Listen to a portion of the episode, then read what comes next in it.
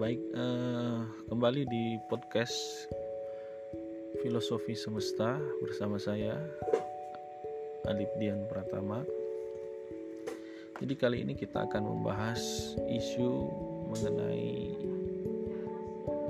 konsepsi pemikiran Hans Kelsen, seorang filosof terkemuka khususnya di bidang hukum yang menulis beberapa buku kunci yang kemudian sering digunakan sebagai referensi maupun literatur utama bagi para sarjanawan dan para pembelajar hukum bukan hanya di Republik Indonesia ini tapi juga di seluruh dunia. Nah, kalau kita melacak ya asal usul dari seorang Hans Kelsen karena hendak membahas membedah pemikiran beliau. Jadi beliau ini adalah seorang yang dikenal sebagai tokoh positivisme hukum. Tentu topik mengenai positivisme hukum itu kalau kita belajar mengenai hukum di Fakultas Hukum kita akan mendapatkan pengajaran mengenai topik tersebut di pengantar ilmu hukum ya, mengenai hukum positif. Jadi sekilas positivisme hukum itu adalah suatu ajaran yang uh, intinya itu menjadikan hukum sebagai sesuatu yang pasti ya, menghendaki adanya kepastian hukum. Hukum yang pasti itu kemudian hukum yang tertulis. Ya hukum yang tertulis baik outputnya itu berupa perundang-undangan yang kemudian diproduksi oleh negara maupun juga melalui eh, perjanjian antar para pihak yang di, dibuat atau diproduksi oleh uh, antar subjek hukum. Nah, uh, arus positivisme hukum ini dianggap merupakan sesuatu yang kemudian berkembang seiring berjalannya pemikiran kapitalisme dan liberalisme di dunia ya. Jadi kedua paham tersebut ya kapitalisme dan liberalisme itu menghendaki agar uh, setiap uh, sistem ekonomi politik ya sosial itu agar berjalan dengan kepastian yang bisa diukur menurut menurut akar menurut akal eh, dan pemikiran manusia. Jadi ketika seorang memulai bisnisnya dan mulai berinteraksi dengan berbagai macam pihak ya guna mengembangkan dan memperbesar skala bisnisnya, maka tentu seseorang tersebut perlu terlibat suatu komitmen ya. Misal ketika orang memulai startup dan dia meminjam modal dari pihak kedua, maka tentu kedua belah pihak tersebut harus uh, mengikatkan kedua keduanya itu mengikatkan diri mereka masing-masing ke dalam suatu perjanjian dan perjanjian itu harus kemudian dituliskan ya secara hitam putih harus ditandatangani kemudian harus disepakati ya, mengenai klausul apa saja yang menjadi hak dan kewajiban bagi kedua pihak yang melakukan uh, apa peminjam peminjaman uang tadi guna melanjutkan scale up bisnisnya. Jadi kalau dalam skala kecil ya tentu kita bicara bahwa bisnis yang baru mau scale up itu tentu di permulaan saja membutuhkan sentuhan hukum di dalamnya. Maka tentu kalau kita bicara mengenai skala yang lebih besar, misalkan interaksi antara negara dengan negara atau kemudian interaksi antara suatu perusahaan multinasional dengan negara atau dengan perusahaan multinasional lainnya, maka tentu e, menjadi lebih penting lagi peran dari e, kepastian hukum atau dalam artian lain peran dari hukum tertulis ya. karena kalau kemudian eh, guna menghindari terjadinya wan prestasi atau ketidakmampuan salah satu pihak untuk memenuhi eh, memenuhi hak dan kewajiban yang telah disepakati dalam perundang-undangan atau dalam suatu perjanjian itu maka tentu kemudian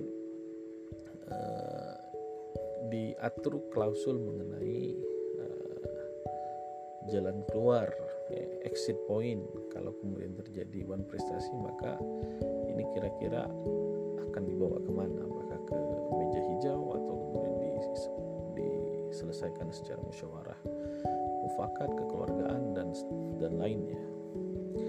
Jadi memang arus populisme ini berkembang seiring dengan semakin masifnya penyebaran ideologi kapitalisme dan liberalisme. Nah, eh, positivisme hukum itu yang kemudian menjadi inti dari pemikiran Hans Kelsen. Inilah yang kemudian eh, secara umum menjadi mainstream utama dalam konteks uh, sistem ketatanegaraan dan sistem hukum di setiap negara di dunia khususnya kalau kita bicara mengenai sistem hukum di Indonesia dengan merujuk misalkan pada Undang-Undang Nomor 12 tahun 2011 mengenai pembentukan peraturan perundang-undangan di Indonesia ya kita tahu ada pasal yang kemudian mengatur mengenai uh, piramida hukum di Indonesia ya atau runtutan hukum di Indonesia itu mulai dari konstitusi sampai kemudian ke peraturan daerah ya. Maka di situ uh, kita juga sudah bisa menyimpulkan bahwa aroma dari gagasan positivistik khas Kelsenian dan juga teori piramida hukum yang juga dikemukakan oleh Hans Kelsen itu sangat mendominasi dalam logika bernegara dan logika hukum di republik ini. Eh, kemudian eh, kecenderungan masyarakat Indonesia yang semakin ke sini yang mulai eh, menyampingkan proses penyelesaian masalah antar warga negara melalui jalan mediasi atau secara kekeluargaan dan le lebih cenderung ya, menyelesaikan proses uh, permasalahan antar warga negara itu secara hukum ya baik perdata maupun pidana ini juga merupakan hasil uh, uh, yang secara langsung maupun tidak langsung merupakan uh, pengaruh dari gagasan pemikiran Hans Kelsen tersebut ya. Dan bukan hanya fenomena antar warga negara yang kemudian yang kemudian semakin ke sini semakin uh, mengedepankan pendekatan hukum secara positivistik. Negara pun demikian. Misal kalau kita lihat pada beberapa kasus negara kadang uh, lebih senang ya berhadap-hadapan dengan warga negaranya itu melalui pendekatan hukum positif. Adanya undang-undang ITE ya, yang sering kemudian dianggap beberapa golongan sebagai undang-undang sapu jagat ya. Sehingga uh, beberapa warga negara yang kemudian dianggap melakukan uh, penyalahgunaan uh, platform media sosial sehingga menyinggung kelompok elit tertentu atau kelompok pemerintah itu kemudian malah ber, uh, kita lihat beberapa di antaranya kemudian merujung pada uh, pemidanaan yang jalan masuknya itu melalui undang-undang ITE. Jadi memang eh, fenomena yang kemudian melihat hukum semata-mata sebagai eh, hukum yang tertulis, hukum yang diproduksi oleh negara, hukum yang kemudian uh, hitam putih ya. Bukan bukanlah sesuatu yang yang yang baru ya. Karena memang pada dasarnya fondasi hukum di Indonesia ini dalam tanda kutip seolah-olah pasca reformasi itu uh, hendak diarahkan menuju uh, hukum positif ya meskipun perdebatannya adalah ada beberapa kelompok pemikir hukum atau filosof-filosof hukum di luar sana dan mungkin juga ada sebagian di Indonesia yang uh, menentang arus mainstream tersebut ya. Jadi uh, positivistik hukum itu ya, model positivistik hukum itu bukan tanpa kritik dan bukan juga tanpa celah. Banyak orang yang kemudian menentang uh, gagasan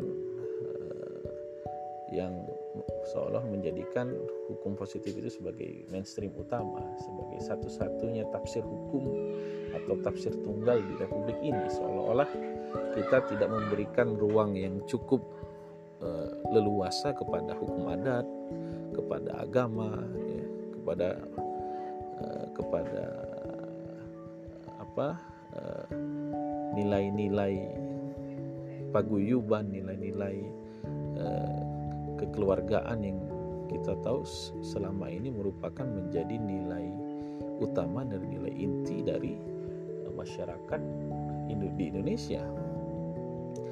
Tapi eh, seluruh kaidah-kaidah yang non positivistik tersebut kemudian seolah-olah hendak dipinggirkan dan kemudian uh, semata-mata yang dianggap sebagai the only one of law in this republic is hukum positif itu sendiri.